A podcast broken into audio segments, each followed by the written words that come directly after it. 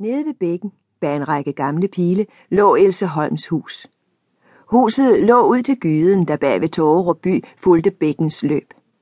Det var fattigt og uanseligt, men alligevel var der noget vist stilfuldt, næsten fornemt over det, der gjorde, at man absolut måtte lægge mærke til det, frem for de andre huse dernede. Om det var de mange smukke pelargonier bag ruderne, de pænt arrangerede blomstrede gardiner, eller måske den lilliputagtige have, der med sine miniatyrbede og sin lille bitte plæne lå foran huset, var ikke godt at se. Sandheden var vel nærmest den, at det hele i forening dannede et så tiltalende og hyggeligt billede, at man uvilkårligt følte sig tiltrukket af det. Ved siden af den lille grønne dør med den trekantede rude stod på et malet skilt Else Holm, systue. Og inden for det første vindue kunne man hver dag se en hvid nakke og et bøjet hoved, og var det sommer, sad der ofte en lille, ganske hvidhåret dreng i den åbne dør. Inde i det lille hus boede Else Holm med sin dreng Jørgen. Hvor hun var kommet fra, var der snart ingen, der vidste. For nogle år siden var hun kommet dumpende ganske pludseligt i følge med en gammel svagelig tante. Allerede før sin ankomst havde hun købt det lille hus, og efter nogle måneders forløb kom den lille Jørgen til verden. Naboerne, der interesserede sig meget stærkt for den fremmede, fik trods alle mulige anstrengelser ikke meget at vide. Ti Else Holm havde en egen evne til at holde dem på en vis afstand, og var ikke sådan at få bukt med. Hun passede sig selv, var stille og tilbageholdende, men lod alle nysgerrige forstå, at hun helst så, man lod hende skytte sine sager selv. Og efterhånden tabte man lysten til at udforske de mange gåder i hendes tilværelse. Man vidste, at hun havde skiftet navn, uden med sikkerhed at vide, hvad hun havde heddet, før hun antog navnet Holm.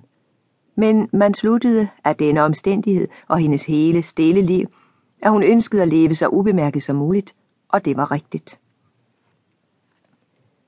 Da Else Holm kom til Tågerup, var hun 25 år.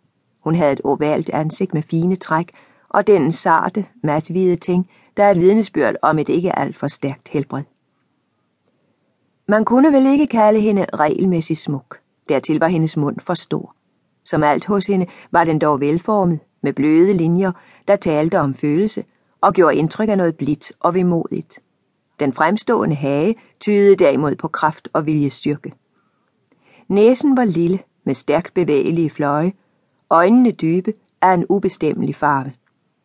Folk, der kendte Else Holm, kunne da også strides om, hvorvidt hendes øjne var brune, grønne eller grå, og ved sagtens kunne de, som deres udtryk skiftede, antage alle disse farver.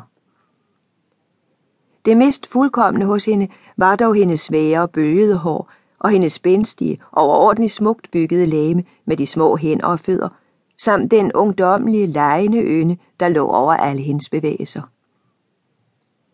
Således så Else Holm ud, da hun kom til Tågerup. Kort efter drengens fødsel tog hun af al kraft fat på sin syning, og da hun var dygtig og navnlig meget fiks til at sy om og få gamle kjoler til at tage sig ud som nye, fik hun hurtigt langt mere at bestille, end hun kunne overkomme.